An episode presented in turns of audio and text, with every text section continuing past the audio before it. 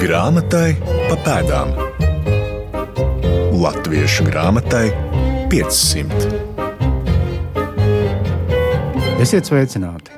Šodienas stāsts iesākas 1502. gada septembrī, kad Livonijas ordeņa mestra Valtera von Pletenberga vadītajam ap 5000 livoniešu lielajam karapulkam pie Smoļinas ezera Pleskavas pusē pretim stājās ap 18,000 liels krievu karapulks, kuru cara Ivana III pāraudzījumā vadīja karavadonis Daniels Čenija. Livonijas konfederācijas apvienotais karaspēks, kurā bija mestra un ordeņa landmaršala Johana Fondera Brēlis, saukta Plātera un Rīgas arhibīskapa Mihaila Hildebranda vadītie jātnieki, latviešu un igauņu kājnieki ar savu taktisko un prasmīgo cīņu panāca uzvaru pār visai ievērojamo pārspēku. Diplomātiski izvairoties no turpmākajiem militāriem konfliktiem ar Krieviem, Pletenbergam līdz pat 1558. gadam izdevās nostiprināt mieru uz Livonijas austrumu robežas. Smoļinas kaujas pieminējums ir iekļauts ievadā 1513. gadā izdotajam Rīgas brevijārijam, kurš ir mūsu šodienas epizodes galvenais varonis.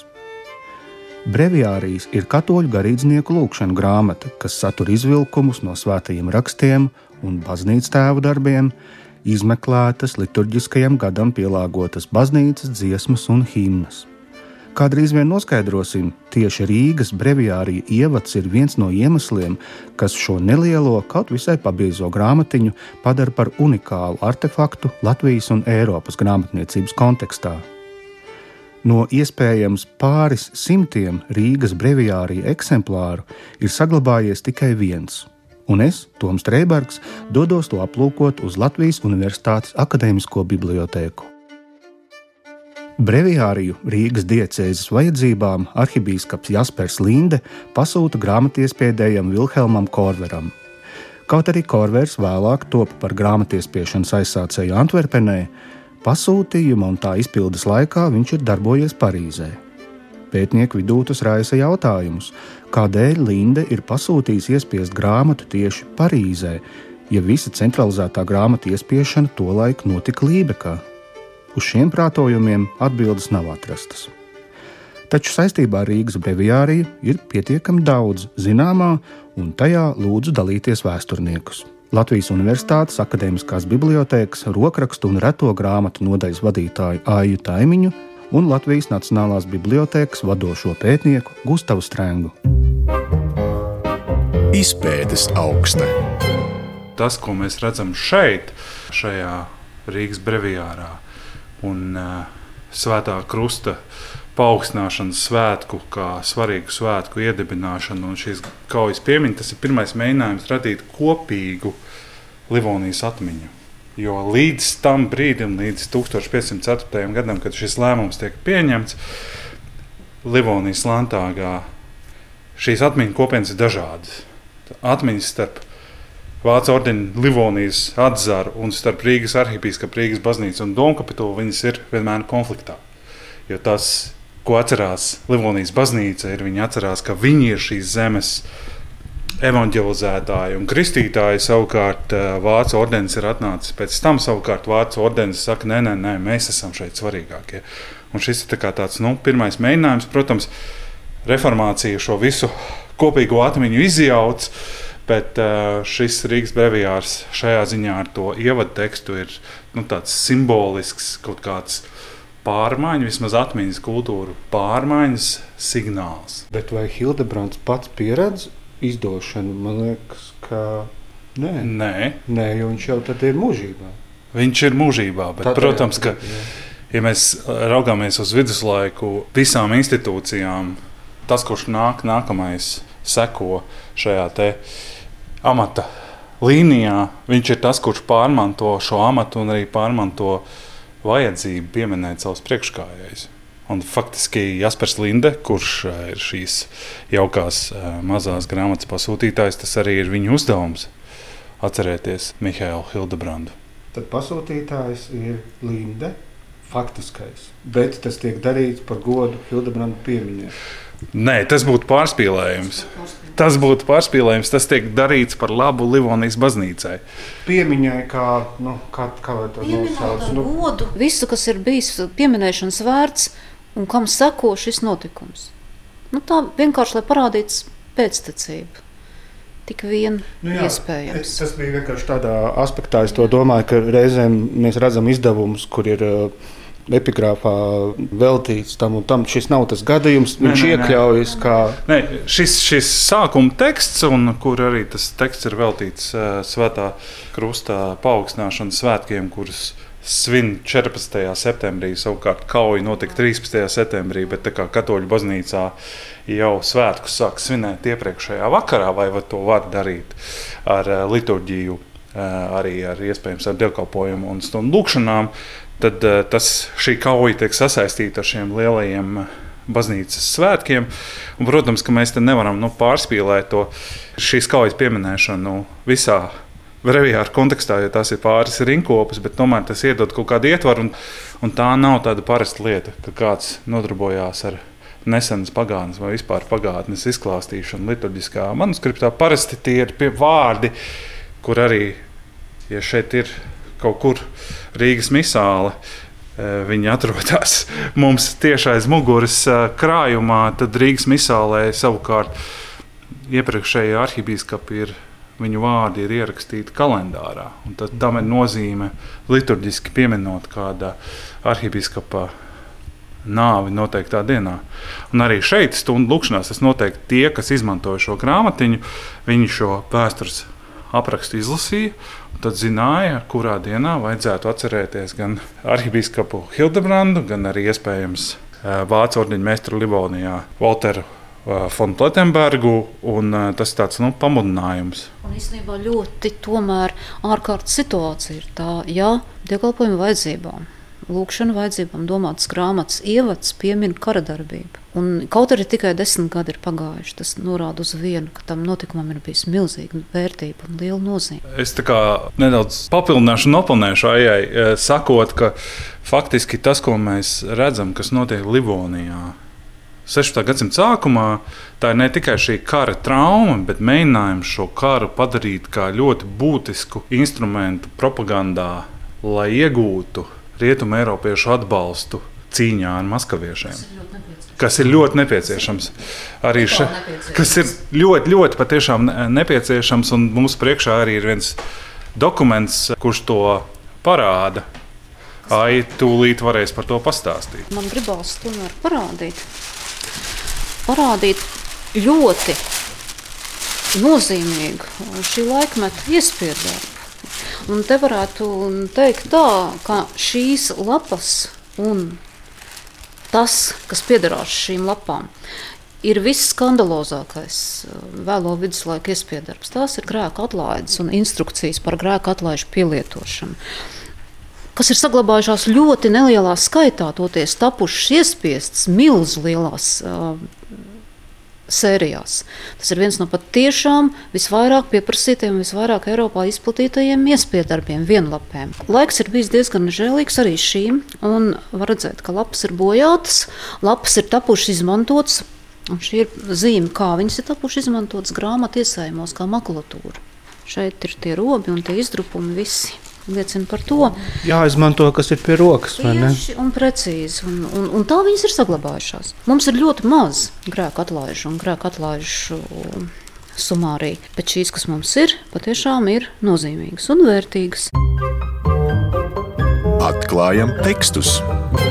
Noteikti liturģiskā manuskripta mērķis nav tikai atcerēties pagātni vai pieminēt mirušos. Viņa mērķis ir veicināt garīgo dzīvi, reliģisko dzīvi. Šajā gadījumā mums priekšā ir grāmata, kas bija domāta noteiktai auditorijai, kas ir garīdznieki, priesteri. Tas, kas iezīmē šo viduslaiku liturģiskos manuskriptus un arī šādus iespiestus breviārus, kāpēc mēs to saucam par Rīgas breviāru. Katra baznīca, respektīvi, katra arhidiecēze Eiropā varēja izdomāt kādu liturģijas veidu vai kādas iezīmes viņi vēlas savās grāmatās no sākuma pirms iespiešanas. Tie bija manuskripti vēlāk visā Ziemeļā Eiropā, Skandināvu diecēzēs, Lundā, Upsalā, citur iespiež 15. gadsimta nogalē, 16. gadsimta sākumā savas misāles un arī savām diecēzēm domātos breviārus. Tas ir tas, kas, tad, kad katoļu baznīca sevi reformē pēc Tridentes koncila, tas ir tas, kas izzūd. Ir viena veida breviārs, ir viena veida misāle, un uh, katra baznīca pirms reformācijas, domājot, nu, katra šī arhitekta centās parādīt to savu liturģisko atšķirību. Tā ir tā kā ģerbone. Jā, nu to, kas ir, kas ir vietējā baznīcā, kāda svētie ir pazīstami, populāri kalendāri atšķīrās. Protams, ne pilnībā visi svarīgākie liturģiskie svētki visos kalendāros bija vienādi, bet kaut kādas īpaši svētie, kas reģionāli bija svarīgi, viņa loma un nozīme tika uzsvērta vairāk vai mazāk. Nu jā, šī būtiskā, unikālā lieta par jaunu svētku iedibināšanu, tā tad arī vēsturiskās atmiņas veidošanu. Bet, ja šos divus elementus mēs nobīdām malā, vai ir vēl breviāra liturģijas apkopojuma eksemplāri, kuros ir līdzīgi veidi ievadi? Es vismaz tādus nezinu. Nav sastapti. Bet, protams, mēs nepārzinām visu repertuāru. Varbūt kādā nelielā Vācijas teritorijā esošā diecēzē ir tapis kas tāds veidots, bet mēs to tiešām nezinām. Korvera praksē ir vēl viens breviārs. Pirms šī kāds tas ir, mm, nemāku teikt. Mēs to neesam redzējuši. Un neesam arī strādājuši pie salīdzināšanas. Tātad šajā gadījumā mums ir jāizmanto mazais vārdiņš visticamāk. Ja? Jā, un atcaucoties uz, uz mūsu kompetences robežām. Jā, Jā. šajā dienā. Jā. šajā dienā. Mūsu robežas mēs esam sasnieguši. Rīgas brevijārī ievadā pieminētā Smoļinas kauja, protams, nevarēja rasties uz līdzenas vietas. Tai bija nepieciešami ievērojami līdzekļi karš ne tikai šodien, bet arī pirms 500 gadiem ir ārkārtīgi dārgs pasākums. Un tas, ko patiesībā jau no pašām 15. gadsimta beigām Platenbergs mēģināja panākt, viņš mēģināja panākt šo atbalstu no, no impērijas, no, no pāvesta, no, no biskupiem Vācijā, Ziemeļvācijā, lai iegūtu gan karotājus, gan arī naudu šādam karam.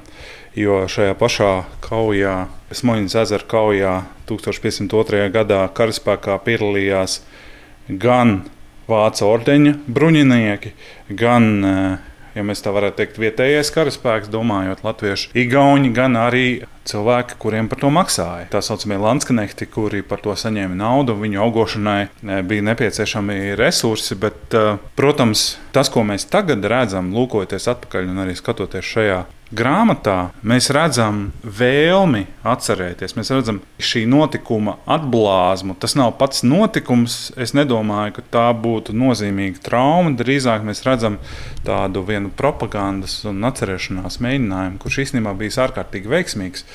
Jo šis nav vienīgais kaujas, smaļas kaujas pieminējums tekstā, bet arī ap 1508. gadu top Kristiāna visticamāk Kristiāna Bumhofera spāva, kurš bija tajā brīdī meistara sekretārs, rada darbu Šona Historija vai skaistais stāsts, kurš ir vērsts pret maskaviešiem, kurš ir tāds propagandas mēģinājums, un arī tajā kauja pie Smoļņas ir ļoti plaši izklāstīta un izstāstīta. Tad, teiksim, tur dramatismā nepietrūkst un ļoti iespējams ka šis darbs ir tapis ap 1508. gadu arī iespiests. Livonijas vēsturē šie divi lielie spēki - Rīgas arhibīskaps Domkapituls un Vācu ordenis Livonijā, un viņi visi 16. gadsimta sākumā mēģina savus tekstus iespiest, viņi dod tam naudu. Kāpēc mēs varam domāt, ka šī šona historija, kur šobrīd glabājas Upsalas Universitātes bibliotekā, kā rokraksts, kāpēc viņa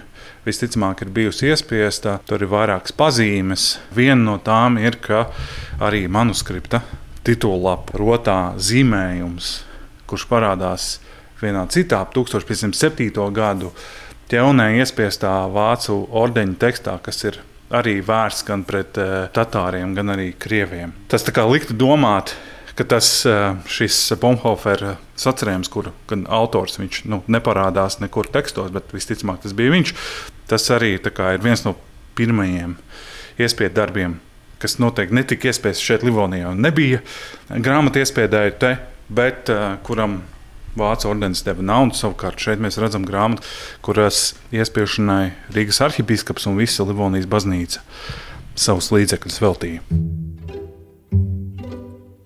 Taču nu atstāsim mājīgās un klusās bibliotekas telpas un kopā ar vēsturnieku Edgars Plētienu iegriezīsimies Raunā. Tieši arhibīskapa Rīgas brevijārī pasūtītāja Jaspera Lindes valdīšanas laikā no 1509. līdz 1524. gadam pils tika ievērojami paplašināta un tika pie speciāla bīskapam veltīta torņa, kuram deva nosaukumu Garais Kaspars.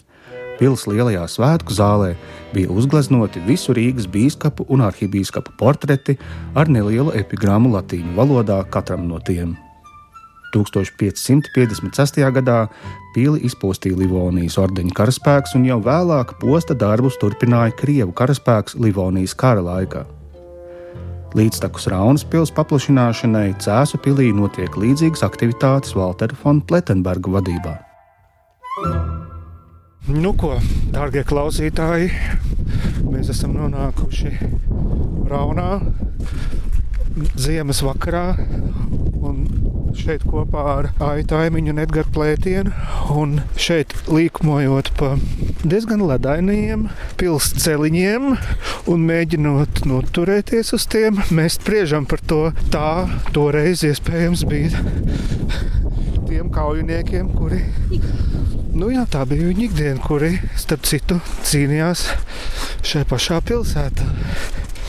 Un arī vēl blakus teritorijās, protams. Runājot par pilsdurpām, es iedomājos par to, ka mēs arī te pirms brīža apspriedām to, cik neiespējami ir uzdabūt teiksim, nu, tik lielā augstumā šos būvmateriālus un, un veidot nu, būvi. Bet sanāk, ka jebkura mūra pilsēta sākumā ir bijusi pilsēta no koka, jo apkārt taču bija koka sastatnes.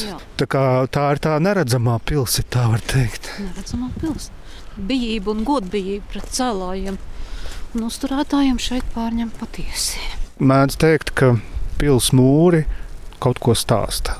Kāds būtu tas galvenais, centrālais stāsts priekš tevis, ko būtu arī mūsu klausītājiem interesanti uzzināt? Jā, nu, tajā brīdī, kad ir tās retās reizes, kad es kādai grupai vadu pastaigi pa pilsgrupām, sauksim viņu tā, ja tā nav klasiska ekskursija, tad uh, es, es šo stāstu arī stāstu, ka nu, viņiem jāiedomājas vien nu, septiņu gadsimtu atpakaļ, ka šī ir viena no centrālajām Livonijas vietām. Ja? Tas nav tā, tā, mazs miestiņš vai pilsētas ciems, kā viņš skaitās mūsdienās juridiski. Bet uh, viena no centrālajām vietām jau šeit uh, diezgan regulāri uzturas Rīgas arhibīskaps, kas ir viens no centrālajiem zemeskungiem Livonijā. Līdzās uh, šim vācu ordeņā Livonijas mestram. Nu, jā, un, un tajā brīdī, kad viņš šeit ir, tagad pētot arī vēstures avotus, saprot, ka viņam līdzi dodas no nu, 80-100 cilvēki. Parasti to mēs redzam pēc koknes inventarizācijas. Nu, jā, nu, tā dzīve kūsā, iedomājieties, nu, simts cilvēku atbrauc uz Raunu. Ja? Nu, ko tas nozīmē tādam mazam miestiņam? Nu, viss tā saimnieciskā padarīšana, loģiski arī sabiedriskā, visas tiesas spriešana un tā. Iespējams, kaut kādas sanāksmes, šie mantāgi, vasaras sanāksmes. Tā kā Rauna kļūst ļoti aktīva un, un dzīva. Viduslaikos Rauna ir aktīva dzīve, es tā gribētu teikt. Jau patveroties omulīgā pajumtē par Raunas pilsētas nemierīgo dzīvi, turpina Edgars Plētiens. Ņemot vērā, ka Rauna ir eh, arhibīskapijas viens no arhibīskapa uzturēšanās vietām, tad attiecīgi Rauna ir tā, kas dabūja dažreiz diezgan ciest dēļ arhibīskapa un ordeņa konfliktiem. Un mēs zinām, ir Rauna ordenis ieņēmis precīzi nācos divas vai trīs reizes. Tas, kas man izbrīna, protams, kādā veidā to ieņem, jo mēs redzējām fortifikāciju Raunas, to visu atrašanās vietu. Vienā ieņemšanas reize ir aprakstīta ļoti smalki Hercoga Albrehta dokumentos. Par to mēs zinām, ka Rauni ieņēma ar viltu. Toreiz vienkārši tiešām attaisīja pilī vārtus, tas kā filmās notiek, ja? un ielaida uh, ordeņa uh, karaspēku. Bet tajā dokumentā tiek minēts, ka ir ordenim acīm redzot pazīstams vai tuvs cilvēks bijis iekšēji Raunas uh, garnizonā. Bet par citām ieņemšanas reizēm mēs atkal zinām, ka, piemēram, tur raksta, ka Rauna ir ieņemta bez neviena šāviena piemēram, tas man arī liekas interesanti. Tad, nu, tādu pili mēs ieņemam. Rauna nonāk, nu, ja mēs domājam par mestriem un arhibīskapiem, tad Rauna ņemot vērā, ka cēsīm ir ļoti tuva, nu, 20 km. Rauna ir tā viena no tām pilīm, kas regulāri tiek līdz ko ir kāds konflikts, tā ieņem un ieņem un ieņem. Nu, tas Raunai ir ļoti liela saistība ar cēsīm. Nu, vēl, vēl ir tas, ka mēs zinām, ka arhibīskapam ir saraksts ar mestriem bijusi. Nu, kā arhibīskaps uzturās šeit, tad šīs saraksts moments. Atminos vienu dokumentu, bet es nemācīšu precīzi pateikt. Tur bija stāsts par to, ka arhibīskaps ir laikam nomiris šajā pilī, un tad viņš ir vests caur cēsīm kā izrādot viņam godu vai kaut kā tamlīdzīga, bet es baidīšos samaloties. Ne, tur, tur bija īsti tāds apraksts. Jā. Svarīgā grāmatzīme. Šoreiz svarīgo grāmatzīmi kopā ar Aiju Taimiņu ievietosim Cēzu Svētā Jāņa baznīcā, kurā 1535. gadā apglabāts Livonijas ordeņa mestrs Walters von Plettenbergs. Vēstures avoti vēstīja, ka viņš miris tieši dievkalpojuma laikā. Mūsu interese atrast Plettenberga kapa plāksni vai drīzāk to, kas no tās palicis pāri. Trīs fragmenti no plāksnes ir piestiprināti pie sienas. Un tas ir viss, kas ir palicis no drosmīgā Plettenberga, Livonijas atbrīvotāja, visizcilākā karavadoņa, Livonijas vēsturē. Ordeņa mestra, kurš ir kalpojis kā karavīrs 41 gadu šajā matā, kurš ir veids pārsteidzošs militārs uh, varoņdarbs faktiski, kurš ir abadīts Cēlā Svētā Jāņa baznīcā ar godu savulaik 1535. gadā. Un viņam ir tapusi izgatavota liela kapa plāksne savulaik. Un tagad mēs redzam trīs ļoti grūti saprotamus akmens fragmentus. Un šis ir brīdis, kad ir jārunā par vēl vienu izcilu personu mūsu vēsturē. Un tas ir Johans Kristofs Brods. Un Johans Kristofs Broce apmēram 1771. gadā, 72. gadā, viņš ir tikai trīs gadus Rīgā, bet viņam jau ir pamodusies tā milzīgā interese par vēsturi un par vēstures avotiem. Un viņš kādā brīvā brīdī, iespējams, vasarā, ir atbraucis uz cēsīm, jo viņi ir ieinteresējuši vēstures pieminekļi. Broce ierodas cēsīs, iztaigā Jāņa baznīcu, un viņš pats pēc tam, pēc 25 gadiem, kas vēl joprojām ir 18. gadsimts rakstījis, es tad attīrīju Plettenberga kapa plāksni no būgružiem un pat liku to nomazgāt. Un tad viņš nozīmē šo kapa plāksni, viņš noraksta kapu uzrakstus, viņš nozīmē arī šeit pārējās nozīmīgās memoriālās kapa plāksnes. Te ir arī vēl viens ordeņa mestrs, te ir vēl bīskaps Ņideckis, un Brods to komentē, Brods to uzzīmē. Vēl pēc pāris gadiem tiek izdota Gustavs Bērnumaņā raidījumācītāja sarakstītā vidzemes vēsture jaunā garā, un tur parādās ilustrācijas. Tā ir pirmā ilustrētā vidzemes vēsture, 1776. gads, un tajā ir Walter von Pleteberga un Brigenēja un Loringhofena un Ņidecka kapa pieminekļi. Šī grāmata un šie zīmējumi iezīmē tādu lielu robežšķirtni mūsu vēsturē, mūsu vēstures pētniecībā un vēstures izpratnē. Tas ir brīdis, kad cilvēki, kas šeit dzīvo, sāk novērtēt pagātni. Un novērtēt ne tikai rakstīto vārdu, bet vēl jau vairāk viņi sāk meklēt pēc vēstures eh, liecībām, kas ir materiāls liecības. Viņiem kļūst svarīgs arheoloģisko izrakumu materiāls, viņiem jo īpaši svarīga ir memoriālā tēlniecība epitāfijas, kapaplāksnes, pieminekļi. Viņi ļoti lielu uzmanību pievērš numismātikai un monētām, jo tās ir autentiskas liecības, tās ir patiesas, tās ir patiesākas nekā kādi vēlāk pierakstīti vai maldinoši pierakstīti vai nepilnīgi pierakstīti kroniku vai liecību vēstījumi. Ko šodien esam uzzinājuši? 1513. gadā izdotā Rīgas brevijārija ievadteksts Livonijā iedibina jaunus svētkus - Svētā krusta paaugstināšanas dienu, par kuras atzīmēšanu baznīca nolika 14. septembrī. Šo svētku liturģiskā schēma ļoti stipri līdzinās Lieldienu liturģijai, pašam svarīgākajam kristiešu liturģiskā gada notikumam, un par vienu no šīs liturģijas sastāvdaļām top Smoļinas kaujas pieminēšana. Pateicos šīs izziņas ceļa rādītājiem, vēsturniekiem Mājai Taimiņai, Gustavam Strēngam un Edgaram Plētienam, kā arī Latvijas Nacionālajai Bibliotēkai par tēmu līdzsakojumu. Raidījuma producente Santa Lauga, labskanīgums Noras Mitspaps pārziņā, savukārt ar jums sarunājos es Toms Strēbergs. Mēs tiksimies jau nākamajā raidījumā, kurā pētīsim vēstures kroniku fenomenu. Visu labu! Grāmatai pa pēdām.